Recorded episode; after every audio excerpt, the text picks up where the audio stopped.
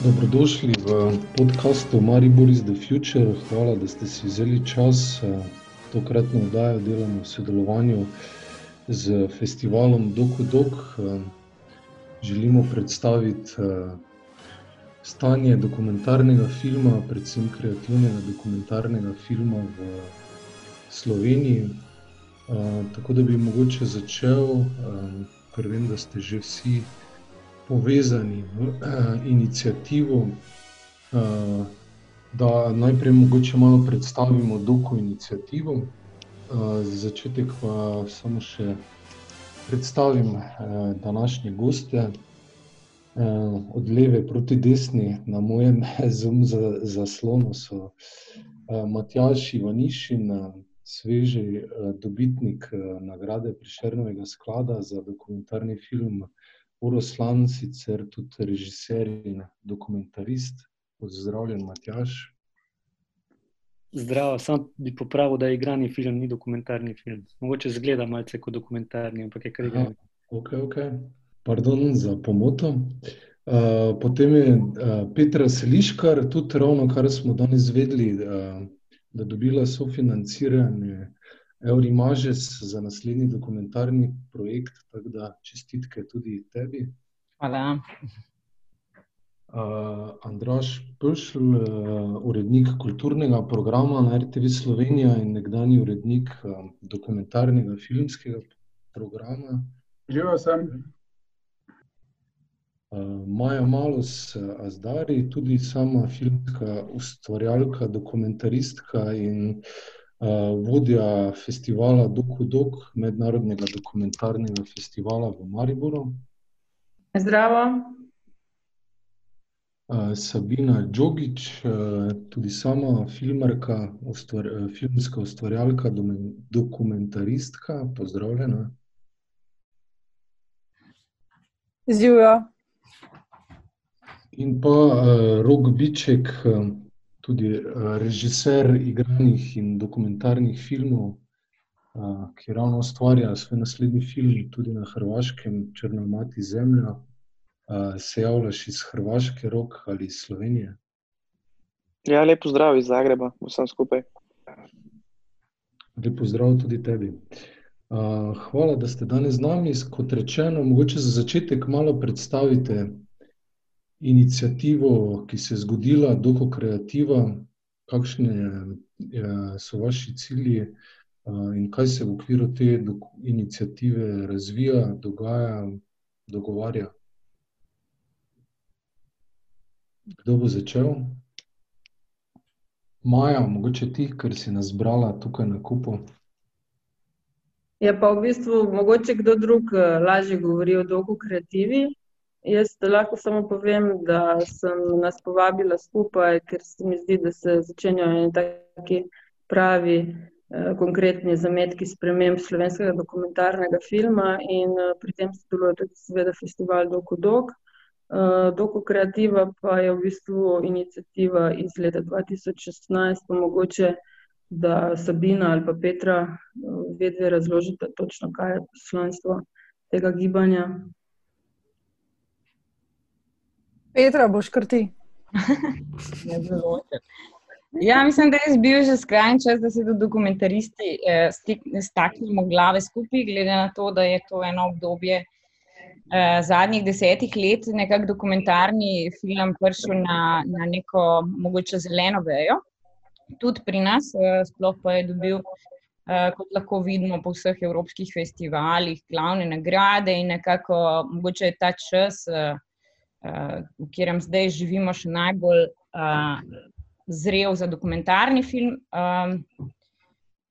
Ja, mislim, da, da je bil to skrajni čas, glede na to, da smo nekako hoteli postaviti temelje kreativnega oziroma avtorskega dokumentarnega filma majčkeno bolj resno in se vprašati, kako bi lahko v Sloveniji to razvili na neko, na višji, višji nivo, da bi ta film bil prepoznan tudi izven meja naše države in da bi hkrati tudi ga ljudje nekako imeli priliko uh, videti uh, bolj pogosto, da bi šli v kina, da, da nekako bi se zanj zanimali več, več uh, ljudi. In tako smo se potem zorganizirali pred štirimi leti. Ugotovili smo, da nas je veliko, že v prvem valu nas je bilo okoli 70, ne Sabina, tako nekako. In zdaj pač imamo načrt, da uh, delamo več uh, leto in pol dolge delavnice, da nekako poboljšamo uh, produkcijske in koprodukcijske možnosti, uh, da, te, da so teme bolj razvite. Da posvetimo več pozornosti razvoju samih tem, da lahko snemamo več let, in tako naprej. No. Mislim, veliko planov imamo. Če bi kdo kaj dodal? Ne, potem mogoče zanimiva je ta definicija, ne, doko kreativa, to mislim, da je v slovenskem prostoru en unikum, da ločujemo med um, celovečernimi dokumentarci in televizijskimi dokumentarci, da je tudi, tudi en del vaše pobude, da se napravi dokumentarec bolj viden v smislu filmske umetnosti in filmske produkcije, ki ni nujno televizijska produkcija. Mi lahko mogoče malo več o tem pojasnite, zakaj je tako stanje pri nas in kakšne so razlike uh, med tema dvema formama. Uh, mogoče Andraš, ki je tudi sam uh, dolgo časa deloval v dokumentarnem sektorju uh, nacionalne televizije RTV. Ja, hvala za besedo in pa hvala tudi za povabilo. Um, ja, se zdaj se pa v bistvu ukvarjam pa s celotnim AV področjem, filmskim in dokumentarnim v Sloveniji, tako da v bistvu pregled še vedno ostaja in v končni fazi dajemo zdaj na program tudi skupne projekte, koprodukcijske, ki so nastajali v minulih letih. Mhm. Jaz sem bil po svoje intimno No, nač, soočen takrat, ko je prišla inicijativa 17. člena zakona o Slovenskem filmskem centru, ki je veleval, da more javni zavod RTV od 2 odstotka odvajati za koprodukcije s slovenskimi neodvisnimi producenti. Takrat smo prečesali praktično teren in smo videli, da poleg celovečernih igranih filmov je prav kreativni celovečerni dokumentarni film tisti, ki je v bistvu na slovenskem področju v smislu sistemskega financiranja bil najbolj podhranjen. To in pa produkcija animiranih vsebin. To smo takrat že od leta 2011 v bistvu implementirali v razpis in v tej obliki smo razpise realizirali praktično vse do letošnjega leta, ko smo ga spet objavili, oziroma ko je tik pred objavo 17. člen zakona o slovenskem filmskem centru. Naš razpis javni, ki ga preko tega člena realiziramo v tem smislu je pri meni jasno zapisana distinkcija med tem, kaj mi počnemo, se pravi, z našo televizijsko v prvi vrsti produkcijo, kjer si mi v bistvu s tistimi tremi meseci vnaprej, ko moramo rezervirati ekipe in že praktično pisati dispozicije, ne moramo privoščiti takšne produkcije, prave kinematografske, avtorske produkcije dokumentarnih filmov, ki jih lahko preko 17. člena In v tem smislu jaz to že več čas pozdravljam. Se pravi, mi preko tega razpisa gremo v koprodukcije s slovenskimi producenti in realiziramo zahtevnejše, kreativne in predvsem celovečerne dokumentarne vsebine. Uh, če lahko sam izpostavim še nekaj številk, v bistvu smo samo v teh zadnjih treh letih, no, podatki so od leta 2017 do 2019, se pravi 2017, 2018 in 2019, smo, smo stopili v produkcijsko sodelovanje z 23 dokumentarnimi projekti, no, kinematografski. To v bistvu v evropski valuti pomeni nekaj manj kot milijon tega skupaj. Tako da mislim, da RTV Slovenija je v tem primeru prepoznala potrebo po koprodukcijskem sodelovanju in jo v tem primeru upam tudi uh, realizira. V končni fazi smo bili v letošnjem letu praktično edini v Sloveniji, ki smo ta razpis realizirali do konca, ne samo do podpisa pogodb.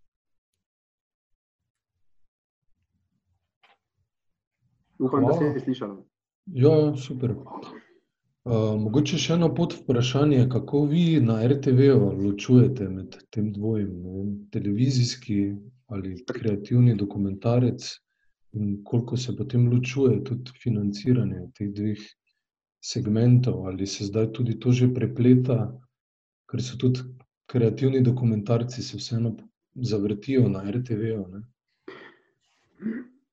Seveda, no, mi v glavnem, v pari, a, pretežen del teh kreativnih dokumentarcev, ki je nastal a, skozi 17. člen, je bil predvajan v najbolj elitnem terminu televizije Slovenije. To je pač film tedna oziroma osrednji večerni terminski čas.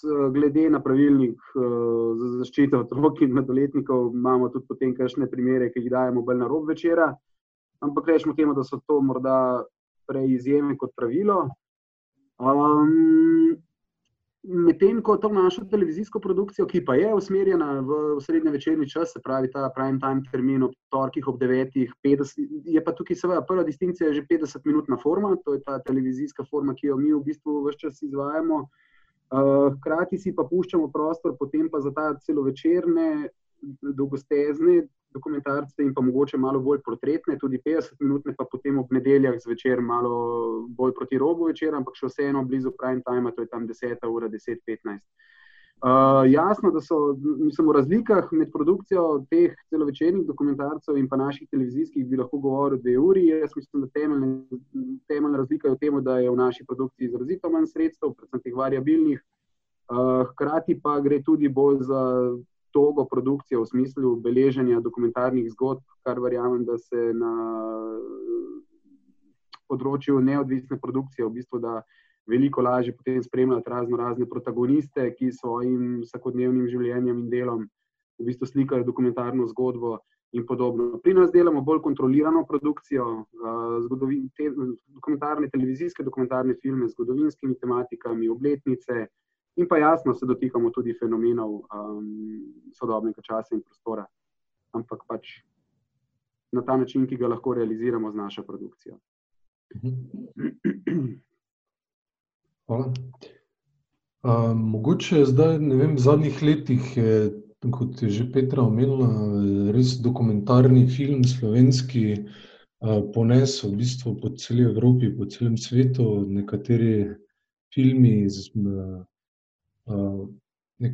nekaterih izmed vas, ki ste tudi v tem pogovoru, so dobili nagrade, so bili uvrščeni v tekmovalne programe, mogoče celo bolj večjo vidnost in večji uspeh v mednarodnem prostoru kot igrani film. Kako vi gledate na to, kakšne možnosti to odpira za promocijo slovenskega filma, kakšne možnosti tudi za vas kot ustvarjalce, kaj pomeni, da se uvrstite na nek večji ali srednje večji festival, kjer dobite nagrado, uh, in kaj to tudi pomeni za samo uh, sofinanciranje, mogoče iz tujine, pridobivanje koprodukcijskih sredstev in tako naprej.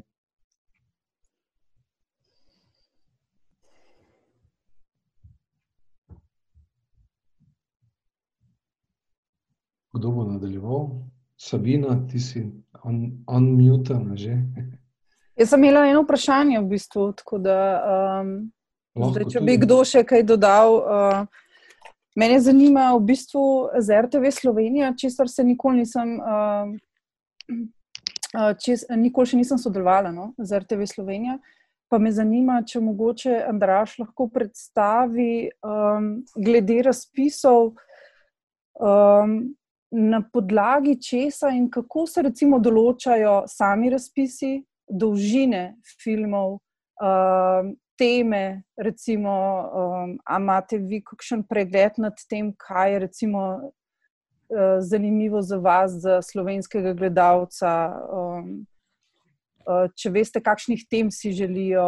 Zanima me, kako potekajo te ocenjevalni postopki, kdo so ljudje, kdo ocenjujejo te reči, tako v bistvu če lahko mogoče malo predstavi, ker se mi zdi, da za vsakega bodočega dokumentarista um, so to kar pomembne informacije. Bina, hvala za vprašanje. Uh, če smem, bi kar odgovoril. No. Mi imamo v bistvu to dobro prečasan, po mojem mnenju, pa definirano področje razpisov. Praktično na leto objavimo tri razpise dva razpisa in pa eno javno povabilo, javni poziv k produkcijskemu sodelovanju. Če začnem tu na koncu, to, so, to je v bistvu poziv, pri katerem največkrat producenti sodelujejo s projekti, za katere dobijo finančno pokritje pri drugih virih, največkrat Slovenski filmski center in potem z nami vstopajo v koprodukcije zaradi potrebe po arhivskem materialu, fundusu, mestoma tudi sinhro in gradingu, obdelavi zvoka in slike. Uh, to je to tretje koprodukcijsko sodelovanje, pri, čemer, pri, pri katerem mi praktično sodelujemo samo z in-kind storitvami. Potem so tu dva glavna, potem sta pa tu še dva glavna razpisa. Uh, en razpis je vezan praktično na v bistvu zelo te, televizijsko distribucijo programa, to je odkup 50-minutnih del, se pravi, mi naročimo produkcijo praktično in pa odkup potem teh bolj rečemo, televizijsko orientiranih dokumentarnih zgodb. Tukaj razpišemo sredstva in od leta do leta različno, največkrat pa pustimo široko zapisano področje, se pravi, teme, ki so primerne za osrednji večerni televizijski čas in pa portreti. Sem in tja dodajemo pa tudi kakšno področje vezano na obletnice, tako kot, temu, kot za naslednje leto, kjer je Jurčičevo leto in smo pustili potem eno področje vezano na to obletnico. Pri realizaciji 17. člena zakona o Slovenskem filmskem centru, pa v bistvu pri kreativnem dokumentarnem filmu zelo, zelo redko definiramo teme bolj podrobno. To se je naprimer zgodilo ob vse slovenski, rečemo tako, obletnici smrti Ivana Cankarja kjer se nam je to zdelo smiselno in potrebno, da bi tudi uh, Cankarjevo bio in bibliografijo in vse ostalo uh, v bistvu realizirali v enem takem celovečernem dokumentarnem filmu, na koncu izkazati to, da sta bila za sprejetje primerna dva.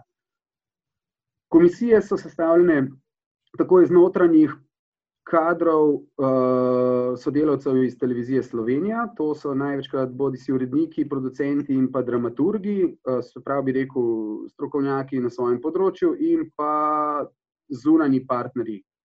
Za njih pa garantiram, da so strokovnjaki na svojem področju. So različni, jih tudi te menjamo in uh, v bistvu to je na kratko odgovor na tvoje vprašanje. Ampak, če se, če se ne motim, uh, komisije uh, sicer niso javne, ne? niso znane. Ali so? So. Kolikor vem, so. Aha. Kako ste pa na, prišli na te dolžine? Govorim o 50-minutnem dokumentarnem filmu, in zdaj je odprt en razpis za 25 in 50. Sprašujem, če si z gledišča ustvarjalca, ki običajno ne ve, uh, uh, ko se loti projekta, sploh na kakšni dolžini bo končal. Uh, kako je z tako imenovano televizijsko verzijo in potem takim pravicami, uh, ki jih more predati televiziji v celoti. Kako je recimo v primeru, ko ima avtor dve verziji in recimo temu, da ima eno televizijsko ali lahko z drugo verzijo, uh, uh, ali jo lahko obdrži. Ali lahko obdrži materialne pravice za to drugo verzijo? Daljšo, oziroma ja, neomejeno. Zdaj, eh, pri tistem 50-minutnem, tako kot si vprašala, zdaj govoriš o dveh različnih zadevah. En je 50-minutni odkup eh, AVD slovenskih neodvisnih producentov, o tem razpisu sem govoril, to je odkup 50-minutnih filmov, trikrat, tri, tri 50-minutne filme odkupujemo. Tista druga, 25 in 50 minut, tiste pa koprodukcijski javni poziv. Od teh dveh zadevah sem že govoril, ne bi še enkrat ponavljal, ampak 25 eh, in 50 je na pozivu, 50 minut je pa samo za odkup AVD. Eh, tam je v bistvu naša naročena, naročen odkup ali del. Tako da, če ima producent 50-minutno in uh, celovečerno verzijo, bi prej predlagal, da bi šel s to poskusom za celovečerno koprodukcijo na 17. člen, ker, čisto enostavno povedano, je tam več avtorske svobode uh, in več ambicij soočanja s kinematografsko distribucijo. V tistem 50-minutnem odkupu televizijskega dokumentarnega filma je praktično celoten razpis od začetka pa do konca podrejen tej uh, potrebi po osrednje večernem lansiranju dokumentarca. Medtem ko te daljše verzije bi, predla, bi, bi se mi zdelo smiselno, mislim pač uh, projekti, ki obetajo celo večerno vzdržljivost in pa dinamiko, da se jih usmeri na 17. člen na razpis, ki ga upravljamo preko 17. člena. Mhm. Ampak kako za, za, za, v primeru, ko pa imaš 50 in 70, mislim 50 in pa več minutno verzijo, se pa sklepajo potem kasneje aneksi. Mhm. Ne, zanima me, čist, kako ste prišli na te dolžine. 50-minutni termin je televizijski termin, to je torkov termin dokumentarnega filma od 9 do 10. Programski svet je že pred 15 ali pa 20 leti sprejel sklep, da se morajo odmevi začeti ob 10. In če mi začnemo ob 9, mora biti do 10 dokumentarca konec, srednjo večerni termin. To je rahlo neuradno, to je s programskim svetom bilo povedano, ampak vseeno, no, v glavnem uh, termin je 50 minut. Mhm. Kako pa nas... termin 50 minut, potem rabimo 50 minut na vsebine. Mhm. Kako, uh, glede na to, da so to, kot si omenil, stara pravila uh, 15 let, kako je s samimi spremembami? Recimo, obstaja kakšen interes, da se sam, sama programska schema nekako prilagaja načinu dela, ustvarjanja? Ta, ta, interes ostaja, ta interes ostaja vsako leto, vsako leto se znova tega dotikamo, in v bistvu ta interes je povzročil tudi to, kar sem že tudi prej povedal da je ob nedeljah zvečer na prvem programu televizije Slovenije tudi prostor za celovečerne dokumentarne filme. Tako da ni samo 50 minut, ampak je 50 plus 90. Hvala. Nekaj, prosim.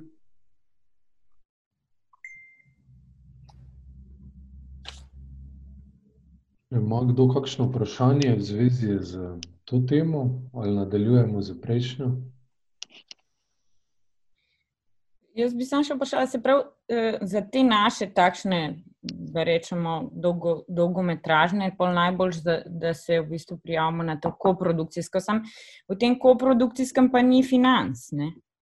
Ne, Petra, zakaj? Vse se lahko prijavite na 17. člen zakona, mislim na razpis po 17. členu zakona o filmskem centru. Eden je tule, ki je že imel sprejet projekt uh, in veliko jih je, ki so bili že tudi blizu.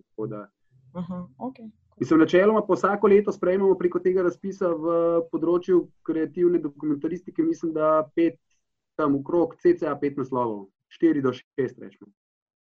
V letu 2019 jih je bilo, ko je bilo v bistvu 1, 2, 3, 4, 5, 6, 7 celo. 7 celo. In s tem tudi, kar se mi zdi pa zelo pomembno, s tem razpisom pa potem stopamo tudi, Petra, kar je pa v bistvu zelo tvoje področje, na, to, na področje mednarodne evropske koprodukcije. Ne? -hmm. Ker v bistvu sprejemamo tudi projekte, kjer slovenski neodvisni producenti nastopajo kot manjšinski producenti, in s temi projekti v bistvu iščejo sodelovanje še ene izmed nacionalnih televizij, kar se lahko v sami formi nasedili za naprej, ne? ali za na konec, kakorkoli, odvisno od finančnih potreb. Kako je pa s projekti, ki trajajo več let? Recimo, da producent sklene pogodbo um, ki se mora zaključiti v enem letu? Uh, to je spet, Sabina, to je spet zadeva, ki je potrebna preko za realizacijo tega 50-minutnega razpisa. Tam mi objavimo v bistvu razpis na začetku leta, oziroma na koncu prejšnjega, predhodnega leta, in potem mora biti projekt zaključen do konca naslednjega leta. Se zavedamo tega, to je časovno omejeno, je, ampak enostavno tukaj drugače ne moramo. Medtem ko pri realizaciji 17. člena pa ta časovna omejitev seveda ni tako groba kot v tem primeru. Gre za večletno produkcijo, tega se zavedamo in v bistvu uh, potem je pa tudi resno, da mi nismo edini uh, sofinancer oziroma koproducent teh projektov in v bistvu gre tukaj za več deležnikov. Je pa tukaj večletna produkcija. Mhm, se pa, se, v primeru, da se zgodi, recimo, da producent uh, dela na enem izjemnem projektu, na katerem je dobil ta pro, uh, sredstva, uh, uh, ki ga mora končati v enem letu, in se ne zaključi. Um, kakšne, kakšne so možnosti, da se. A, so, a obstaja sploh možnost, da se projekt podaljša, ali je to v bistvu? Je možnost. Letošnje leto je recimo eno tako zelo tipično leto za to, da smo sklepali veliko aneksov za kasnejše zaključovanje. Mm -hmm. Ker so tudi zelo objektivne okoliščine.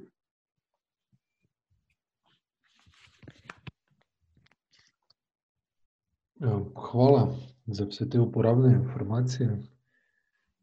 Um, ja, mogoče se res vrnemo na tisto, kako, kako gledate na mednarodni potencial res slovenskega kreativnega dokumentarnega filma in možnosti, ki se mu odpirajo tudi za mednarodne koprodukcije, evropsko sofinanciranje. Um, ne vem, Mogoče Petra, ti si ravno kar. Jaz nič nekaj. Uh, lahko sam ponoviš, nekaj sem jih vmes imela, neko uh -huh. urgent zadevo od francozov. Um, sam vprašanje, če lahko še enkrat. Ja, ni problema.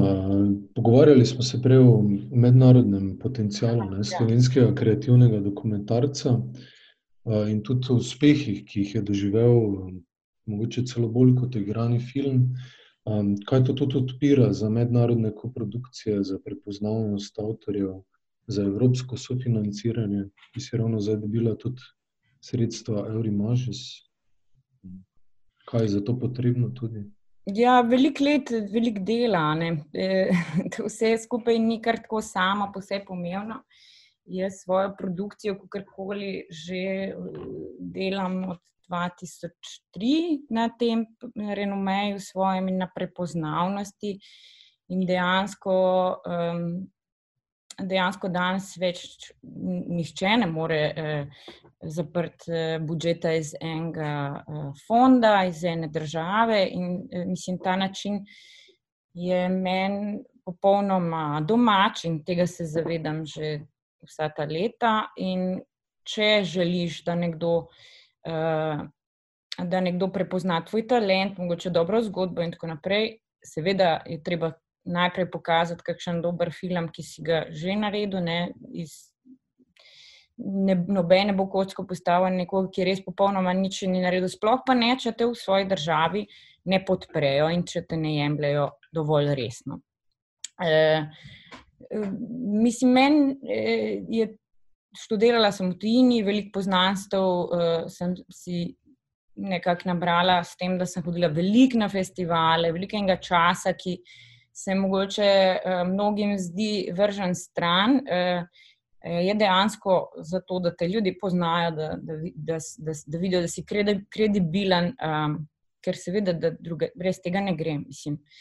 Um, gre, pa, gre pa tudi zato, da na začetku nisem imela veliko podpore iz svoje države, se pravi, nisem imela nekih. Uh, sploh se dokumentarni film ni jemal uh, pre, preveč resno. Se pravi, ne, sploh ljudje niso vedeli, kaj je to ITVA, največji festival dokumentarnega filma. Uh, na pičin, ko sem bila sprejeta, ni, ni bilo nikogar, ki bi šel z mano. Mislim, tako trnja, trnjava pot, no? nekak, ki si ne bi želela. Mislim, zato mogoče tudi smo uh, dolgo kreativo. To bolj resno zastavili, da vseeno imamo ta podpor in da um, da Slovenija nekako kot država tudi prepozna, kako je to pomembno, da se uh, pojavljamo na teh marketih, da nas kofinancirajo iz medije, iz euroimaža. To je res velika konkurenca, to ni tako simpel. Mislim, uh, treba je pripraviti dobre projekte in treba jih je potem tudi um, narediti. Spet pa mislim, da je ključna stvar, in kjer smo mi zelo slabi v Sloveniji, razvoj, razvoj, razvoj. Ne. Večkratni razvoj. Uspeh vseh evropskih filmov uh, se je pokazal, da naprimer, najbolj uspešni filmi, evropski, dokumentarni, so mogoče dobili tudi petkrat razvoj na istem fondu, uh, zaradi tega, ker se ga dejansko rabili. Mi vse čas ne gledamo v zrak, ne moremo zraven še enega joba delati, mi dejansko moramo se svojim temam posvetiti in jih dobro razviti in jih peljati po vseh teh festivalih, predstaviti vsem tem partnerjem, ki bojo kasneje uh, kofinancirali naše filme in tako naprej. Uh, in to ne moreš delati, če imaš zraven še eno službo ali pa pač nekje moraš uh, uh, denar uh, si zaslužiti.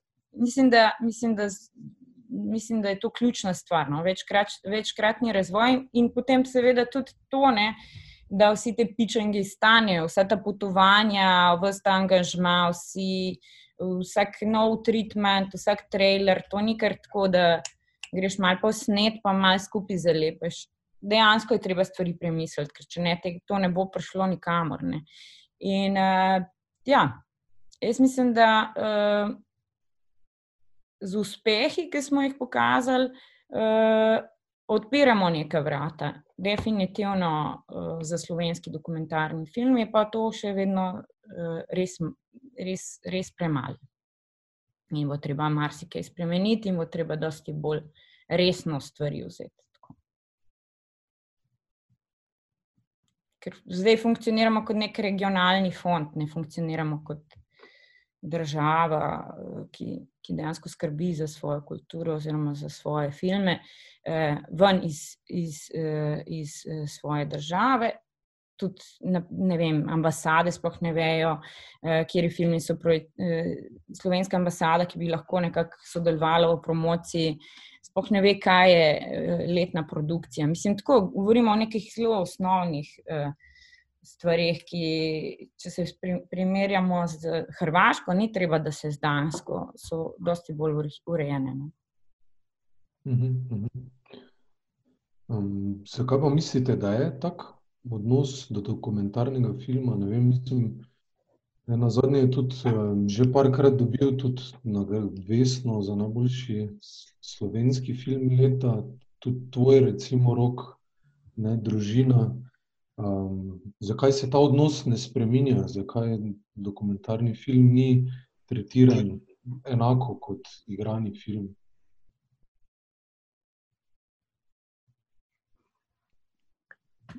Ja, to je precej kompleksno vprašanje. Po eni strani, po drugi pa zelo preprosto. Uh, ključno je,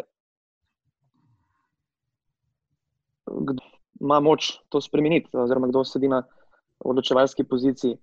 Uh,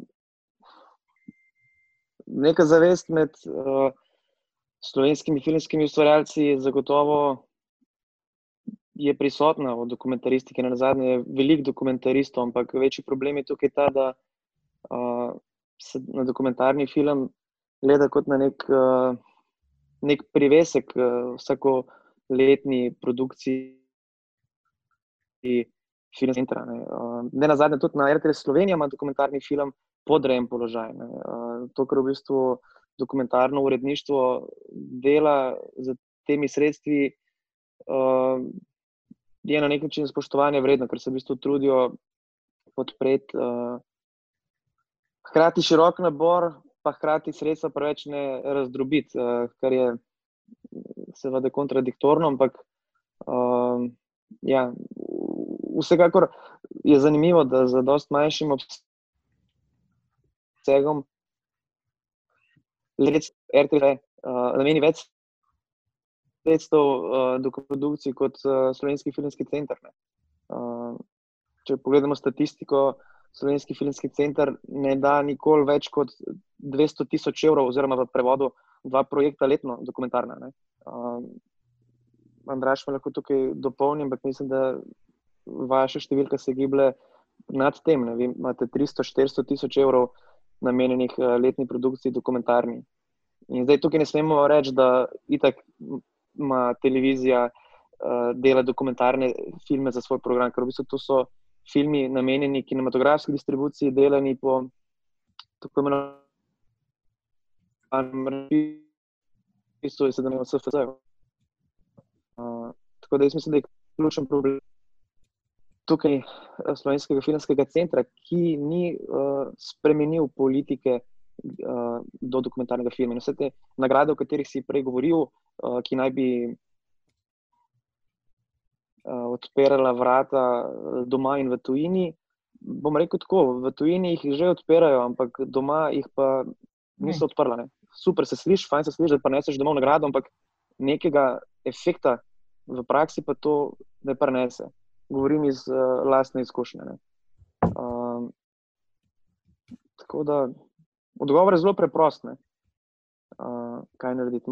Potrebujemo na, na vodilnih mestih ljudi, ki imajo vizijo uh, celostnega razvoja kinematografije. Uh, to, zajema, to ne zajema zdaj samo to grobo delitev na igrani, dokumentarni in animirani film. Tukaj mi govorimo o, o celostni kinematografiji, ki zajema še uh, en kup drugih faktorjev. Zelo veliko se pozablja na, na problematiko reproduktivne kinematografije. Ne. Mi moramo poskrbeti za celotno verigo, uh, od začetka, se pravi, govorimo o, o razvoju, do zaključka, se pravi, do prikazovalcev. In kje se bodo ti naši filmi gledali, in hkrati o vzgoju občinstva. Uh, v zadnjih letih se je sicer nekaj na tem spremenilo, ampak uh, lahko vam povem iz izkušnje, ki jo imam uh, iz sosednje države na Hrvaškem, ker sem zdaj veliko časa preživel z osnovnošolskimi otroci, s katerimi sem pripravljal se na film. Oni imajo v osnovni šoli filmsko vzgojo kot uh, predmet. Uh, oni imajo uh, učbenik o, o, o filmski vzgoji, imajo en kup učnih pripomočkov, ki jih uh, uh, učitelji uh, uporabljajo uh, pri podajanju, uh, pri opismenjevanju s filmskim jezikom. Uh, to, kar se dogaja v Sloveniji, imamo filmsko vzgojo kot ne, nek dodatek, ki ga mogoče bolj napredne, progresivne srednje šole.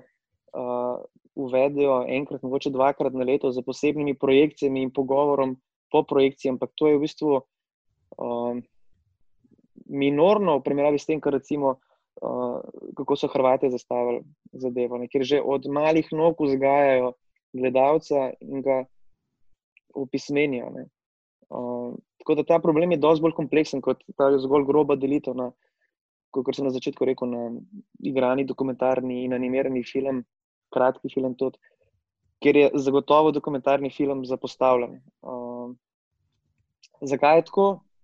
Je pa spet uh, kompleksno vprašanje. Oziroma, že film sam po sebi ni nikoli dobil neke domovinske pravice v, znotraj slovenske kulture. Uh, znotraj samega filma bi pa lahko rekel zelo podobno kot za dokumentarni film. To je zmeraj neka punk uh, disciplina uh, uh, ljudi, ki, ustvarjalcev, ki so. Ja, ki so pač eh, se sprijaznili s tem, da bodo mogli delati v takih um, razmerah, kakršnih delov so pač postavili, da so to vzeli za kup. Uh, ampak da bi se pa to institu, institu, to institucionalno uredilo, pa, pa se nikoli ni. Ne. In posledice tega zelo dobro občutimo danes.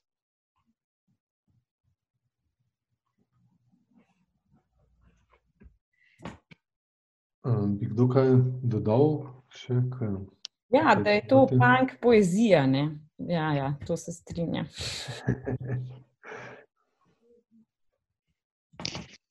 Sej, punk, punk poezija je v bistvu uh, naše kodno ime za, za omizje, uh, ki se je zbralo na festivalu dokumentarnega filma letos v Ljubljani kot okrogla miza o prihodnosti dokumentarnega filma. In mislim, da ta okrogla miza, ta punk poezija, ki se je zgodila na tej okrogli mizi, je bila dosti prelomna. Vsaj jaz tako uh, doživljam, ker v dveh mesecih od našega, rečemo temu, ustanovnega druženja na festivalu slovenskega filma smo uvedli redne. Uh, tedensk, redna tedenska srečanja uh, v tej omenjeni sestavi, na, na katerih v bistvu smo zelo sistematično uh, pretresli uh, polje dokumentaristike v Sloveniji iz vseh možnih uh, zornih kotov in detektirali vse probleme in izzive, ki, s katerimi se ustvarjalci dokumentarnih filmov soočamo. Uh, In ne, da smo samo detektirali probleme in izzive, ampak smo tudi v bistvu pripravili nek akcijski načrt, oziroma uh,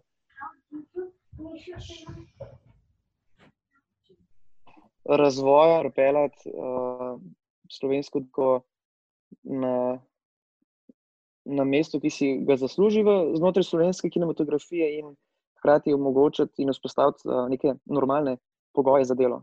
Uh, tako da mogoče mi tukaj lahko kolegi malo pomagate. Da ne bom preveč programskega časa ukradel, ampak uh, mislim, da se zdaj dogajajo zelo, zelo veliki premiki. Uh, in upam, da bomo naleteli na, na podporo pri že prej omenjenih odločitvah.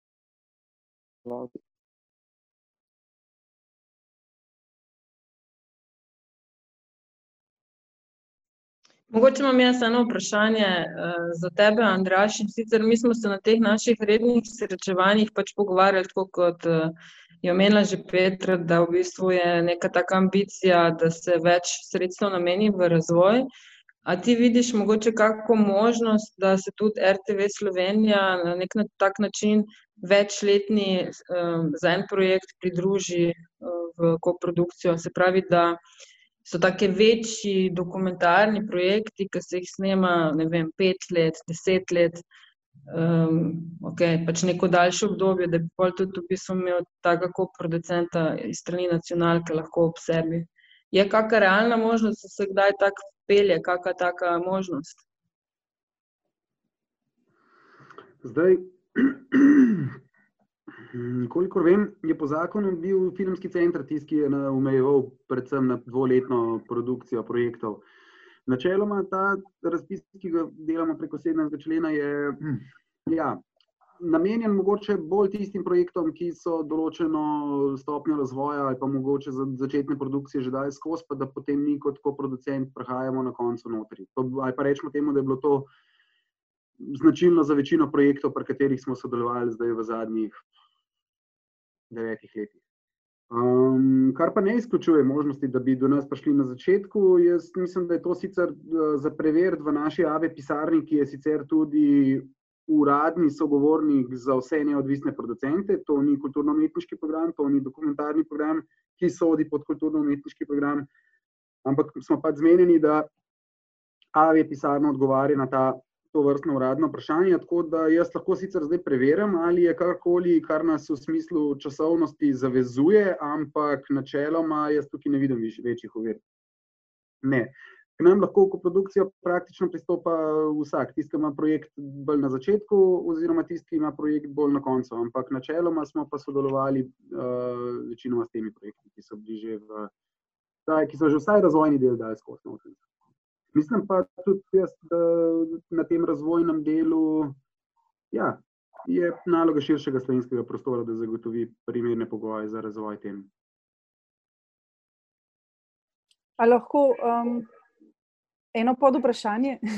um, problem, ki ga jaz občutam, recimo z prijavljanjem na projekte, oziroma pardon, na razpise s projekti v razvoju, uh, tudi na televiziji, je ta, da vi zahtevate scenarij. Seveda. To je, to je um, eden, ki se mi zdi ključnih problemov pri razpisu na RTV-ju. Uh, govorimo o projektih, ki so v začetni fazi doskrat povsem neznani, katero pot bodo šli v tej neki, recimo, dramaturgiji. Uh, čeprav uh, gre za neko raziskavo teme, ki, ki vsem je že znana, ne? mogoče tudi kakšen vizualni material obstaja, ni pa neke končnosti. Ne? Zdaj, mogoče en kras, eden boljših primerov uh, je ravno rokova družina, ampak uh, zdaj tudi večino teh, se mi zdi, kreativnih dokumentarcev, um, nikoli v svoji razvojni fazi niso imeli uh, znanega uh, scenarija. Ne. A je to nekaj, kar se lahko spremeni, oziroma um, koncipira drugače, zato da se tudi potem lahko mogoče v prihodnosti prijavljamo v bolj začetni fazi, tako rekoč? Lej, tako ti bom povedal, Sabina. Uh, tudi dva projekta, ki prideta na dokumentarni del razpisa, zdaj pa rečemo samo po 17. členu, uh, nista enaka po formi scenarija. Tudi, tudi približno ne. Nekateri projekti, ki smo jih sprejeli, so bili še v zelo začetni fazi in smo jih tudi sprejeli v koprodukcijsko sodelovanje. Tako da jaz tukaj ne vidim večje ovire, treba je pač neki uh, improvizirane. Akcije sprožiti, zato da potem scenarij vseeno v taki obliki vdaš, ki bo hkrati uh, zavezujoč, kar zadeva dramaturgijo, ne pa hkrati tudi tako obvezujoč, kar zadeva celotno uh, sliko zgodbe. Da vemo, da gre tukaj, no, mislim, da pač tudi dokumentarce, dokumentarce so stvari različne, gre za observacijskega, gre za igrano dokumentarno zgodbo, se to vsi poznate. Ne. Pri nekaterih temah je scenarij zlahka predvidljiv in ga tudi lažje napišeš, ali pa saj razširjeni treatment sinopsis. Uh, Medtem ko pri določenih temah, ki so pa bolj character driven, in tako naprej, tiste pa so precej težje. Ne ampak smo sprejeli tudi projekte, ki so še na začetku. Se pravi, da to, kar vi uh, s terminologijo, scenarij določate, je dejansko lahko tudi samo koncept. Petra zelo dobro ve, pa tudi uh, večina vas, da je scenarij pri dokumentarni produkciji v bistvu v kakršni koli fazi predprodukcije, produkcije, praktično nekaj zelo alkimističnega. Ne. Zdaj, da bi oddajal scenarij, ki te zavezuje od začetka do konca, to bodi si ni dokumentarni scenarij ali pa zelo fake narejen. Zdaj, načeloma so razširjeni treatmenti tudi dovolj, ja. ampak ne zdaj razširjen treatment na dve strani, da so vse en prepozna ambicija producenta in avtorja, da bi želel to zgodbo do konca prepeljati. Za me osebno, osebno je največji motiv, da projekt dobro ocenim, oziroma ne da ga dobro ocenim, da ga sprejemem kot relevantnega, je to, da je 95% od tebe noter, da je 5% od teme, 95% je pa zakaj si ti tista, ki bi to temo rada realizirala. To strast, to odločnost je pri nekaterih projektih zlahka za prepoznati.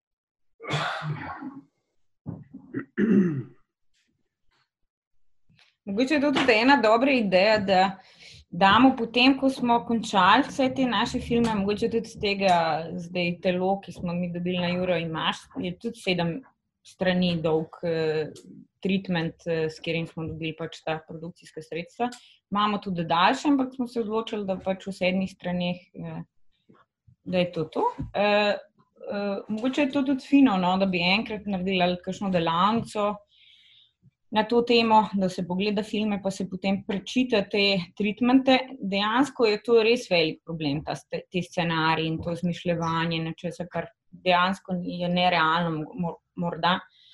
Um, je pa nekaj, kar lahko predvidiš, sploh, če si, sploh če si naredil uh, velik research. Ne? Tukaj se, jaz mislim, da bi se v teh pisanjih, jaz sem zelo za pisanje, ampak da se dejansko no, vidi, vidi, da je tukaj narejen research, ne? da se čuti, koliko enih stvari človek o tem ve, uh, in šele takrat to pije vodo, oziroma drži vodo. No? Uh, jaz nisem, uh, naprimer, francozi zelo radi imajo to, da se veliko piše. Ne? In smo pa pač tudi pis, mi pisali, ker je uh, za en projekt, ki delamo s Francijo. Uh, je fino, je zelo v redu, da se ti izčistijo misli, ne? ampak ko priješ na teh optimalnih sedem strani, kjer dejansko vidiš film, je to to. Mislim, mislim, mi zdi, da Eh, da je nesmiselno. Mislim, ko sem jaz prvič aplicirala na RTV, mislim, da z babicami revolucije, to je moj prvi eh, dolgometražni, je bilo tako, ne je bila schema, sploh spomnim se, ko sem jih poslala, kako mora to izgledati. Na levi strani, kaj se bo dogajalo, na desni strani, kaj bo kdo rekel. Ne? In jaz ti zgledam, in mi ni bilo noč jasno. No. Ampak, eh, no, pa smo vse naredili, in eh, tudi dobili eh, media development, in tako naprej. Ampak jaz dejansko, eh, ko sem že imela toliko stvari posnetih in eh, že toliko eh, nekako videla celo zgodbo, sem lahko skoraj transkribirala eh, svoje karakterje in tako naredila scenarije. Je, je, je bil obraten proces, zato ker si dejansko nisem etično dovolila, da bi polagala besede eh, mojim protagonistom usta, ki se mi zdeli to popolnoma neetično. Ne. Uh, in, uh, ampak, no, to, mogoče je to res dobra tema za en, en, en workshop, kako je kdo um, prišel čez. Zagotovo dobra tema. Bom pa povedal, tako še enkrat bom ponovil, da smo sprejeli projekte, ki so, tako kot si rekla, Petra, imeli položene besede v usta v smislu spisanih dialogov na 30 mhm. straneh. In mhm. pa projekte, ki so izvorno temo predstavljali na tistih uh, okvirno desetih stranih, plus minus. Ne, se jaz kle, uh, bolj upozarjam na terminologijo, no? bolj kot uh, se razumemo, vse, mhm. v kakšni fazi se le projekte lahko prepoznava, ne, že kot potencialno zanimive. Pa, uh, ampak uh, scenarij je nekaj, kar ima zelo striktno določeno formo. Če govorimo zdaj o nekem razširjenem konceptu ali nekem treatmentu, ne, še vedno nismo pri dialogih. In jaz, uh, dokumentarne, ravno tisto leto, no, ko sem želela se parjavce spomnim, da je bil od Martina Turka uh, Dober Dob, če se ne motim, je bil izbran, ali uh, mislim, da je bil že izbran. No.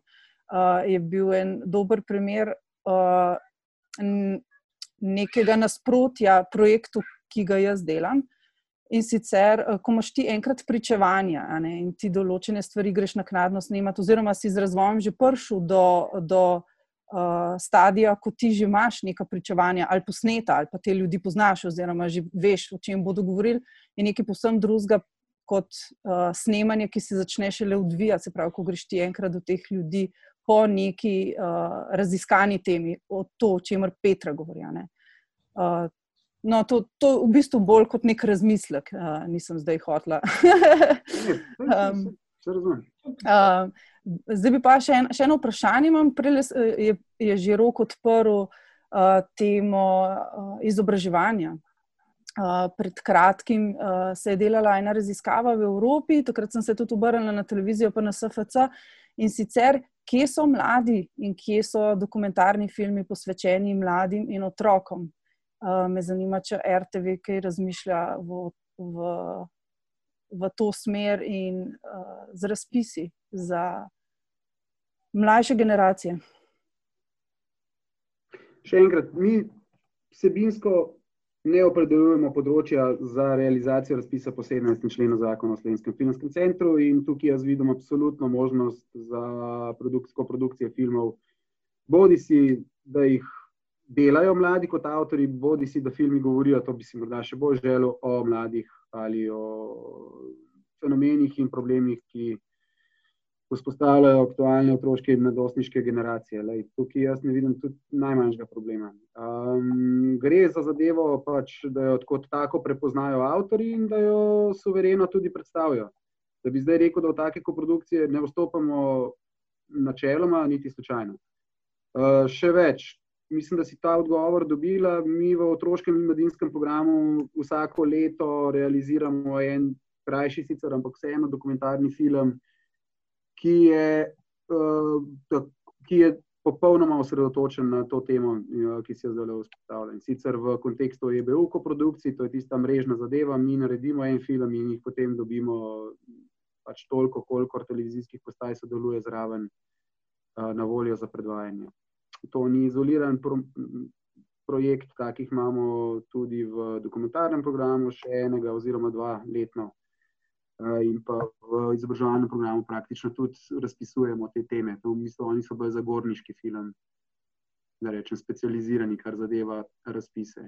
Nekaj drugega pa je, kar ne bi želel pozabiti, no, ki se mi zdi pa tudi zelo pomembno. Mi, dva, mi smo pri enem projektu, ravno rok je bil producent, smo hoteli narediti tudi korak naprej, za katerega pa verjamem, da ga bomo še delali oziroma da bomo tukaj poskušali biti bolj uspešni. Ena od mojih ambicij, ki zdaj, ki jo že v drugo upravljam ta mandat, je, da tudi RTV Slovenija postane malo bolj prepoznan deležnik na mednarodnem trgu. Pa bom rekel, da preko prejemanja koprodukcij, manjšinskih koprodukcij, to že počnemo. Ne, verjetno veste za vzorno vedenje. Ta film je bil zadnji, ki smo ga na ta način tudi podprli.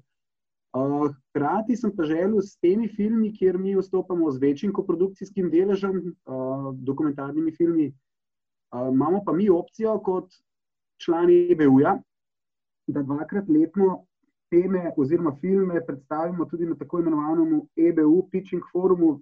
Petra, ti boš vedela, zakaj gre. To je ta pitching forum, ki se v času ITFE zgodi v zaprtem praktično krogu urednikov EBU postaj, urednikov, redaktorjev, producentov. To so v bistvu vsi ti ljudje, ki sicer sodelujejo na tem znamenitem ITFA forumu. Ampak hkrati imamo pa mi še en ta zaprt EBU pitch, kjer tudi predstavljamo to vrstne projekte. In to pa bi bila ena zgodba za naprej, ki bi jo lahko še razvijali. Se pravi, bi poslali v ta editorial EBU-ja, to seveda, če zadevo pošljemo tja, še ni nujno, da bo sprejeta in nažalost je tako bilo v tem primeru na zadnje. Uh, in potem posamezne projekte obdelujemo na temo EBU Piču in tudi teh se sicer nabere potem tam do 15 projektov na polletje. Ampak to pomeni, da obstaja, da bo sodelovanje odprto za zunanje producente ali govoriš o vaši produkciji? Govorim, to govorim o tem, da gre z mano na ta ITFA EBU Pitching Forum tudi producent, najmanj producent, če ne tudi pač režiser, to je podvisno od financ. Mhm. Dvakrat na leto je to, do zdaj je bilo, vedno je bilo na ITFI, alternacija je bila pa La Roche, pa, pa, pa, pa Sheffield. Ampak to je, tem, to, je, to je zagotovo tema za naprej, kjer v bistvu pa postopamo pa na ta izpostavljen evropski trg in potem dobivaš zraven partnerje, kot so Danska televizija, Švedska, ILE in podobno.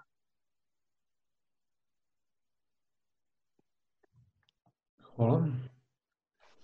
Uh, mogoče še eno vprašanje, eh, Matjaš, eh, da še tebe malo vključimo. Uh, na začetku uh, sem evo, jaz tudi naredil napako, se mi zdi, da uh, ker sem imenoval tvoj igrani film za dokumentarnega, ampak mislim, da se te formi zdaj tudi vedno bolj uh, mešata, kak, kak je tu potencial uh, povezovanja kreativnega dokumentarca z igrano formo.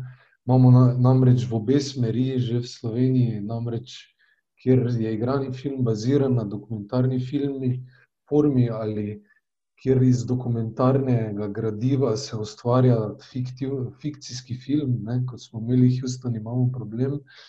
Um, kako ti vidiš to formo in tudi uh, kakšen potencial za razvoj um, dokumentarnega in tudi filma nasplošno. Se mi zdi, da, smo, da ste slovenski filmari in filmarke tudi zelo inovativni in uspešni pri tem, pri razvijanju te forme.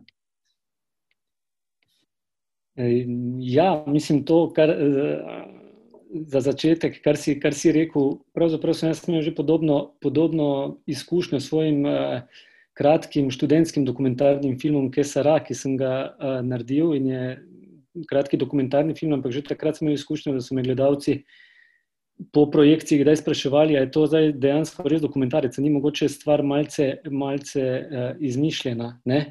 Zdaj, če gledam, če pa zdaj naredim ta cel skok, pa štartam na, na zadnji film, me pa pravzaprav vsi sprašujejo, pa se to ja ne zgleda sploh kot igrani film, ampak pravzaprav bolj kot en dokumentarc. Um, Tako da se, se, se, se ta zadeva, kar mi skozi cel, skozi cel čas na nek način pojavlja. Zdaj, zda, zakaj je, kaj je bil moj razlog za, za, za Oroslana, za igrani film, je bil ta zaradi tega, ker je pravzaprav jaz nisem želel, da ljudje, ki so v filmu, predstavljajo izključno sami sebe v filmu.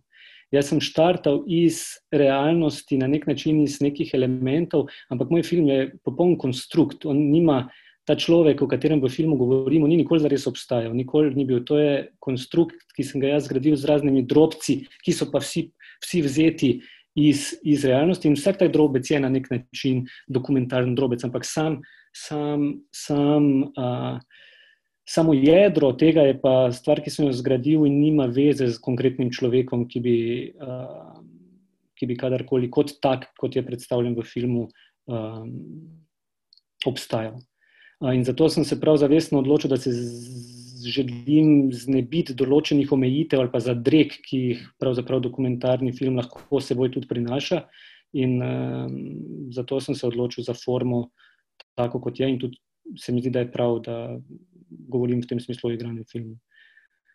Um, druga stvar, ki se mi pa zdi, ki smo jo pa že omenjali, da se malo naveže na prejšnje stvari, je pa pravzaprav res ta razvoj, o katerem smo govorili. No, se mi zdi zelo, zelo, zelo važen uh, ta princip večfaznega, večkratnega razvoja projektov, ker na nek način je, je res, da od začetka težko pričakujemo, da bo nekdo, ko se podaja v neko temo, podaja se dokumentarist zmeraj v neko temo z neko, z neko vero, da se tam dejansko nekaj skriva.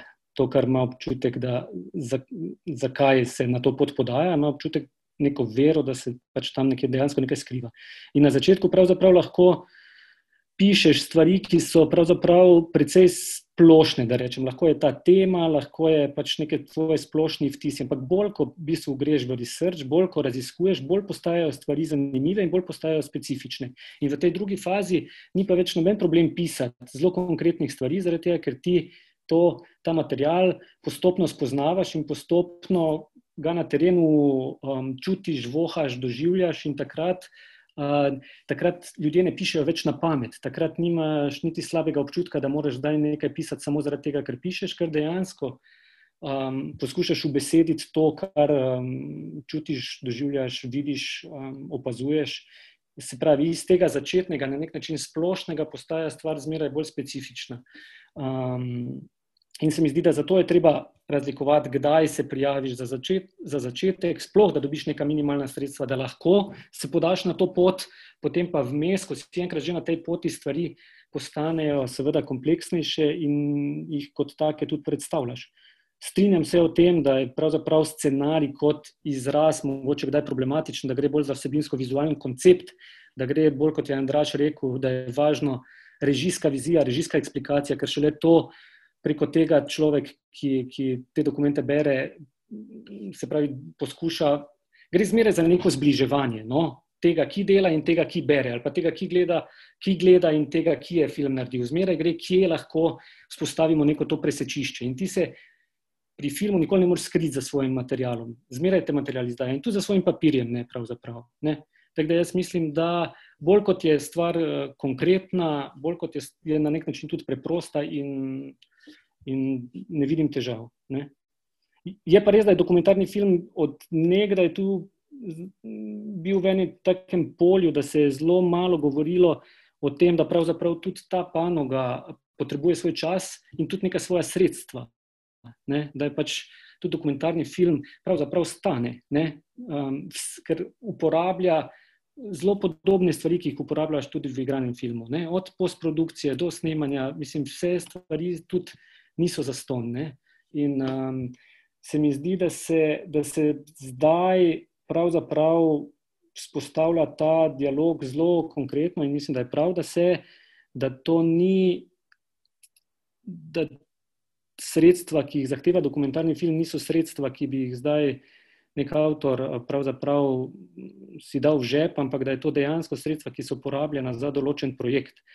Je pa, verjamem, bilo težje marsikomu razumeti to, tega, ker se pač v dokumentarnem filmu, v igranem filmu, dajmo reči, stvari so malce bolj navidezno pod kontrolo. V dokumentarnem filmu pa je malo, če smo prej rekli, punk poezija, jaz bi rekel, temu je bolj ena taka prosta športna panoga. No? Um, in um, se mi zdi, da je mogoče tu potrebno eno tudi um, zaupanje no, tudi z druge strani, no, da je potrebno eno zaupanje, da, da pač dolo, določene stvari potrebujejo tudi neka sredstva.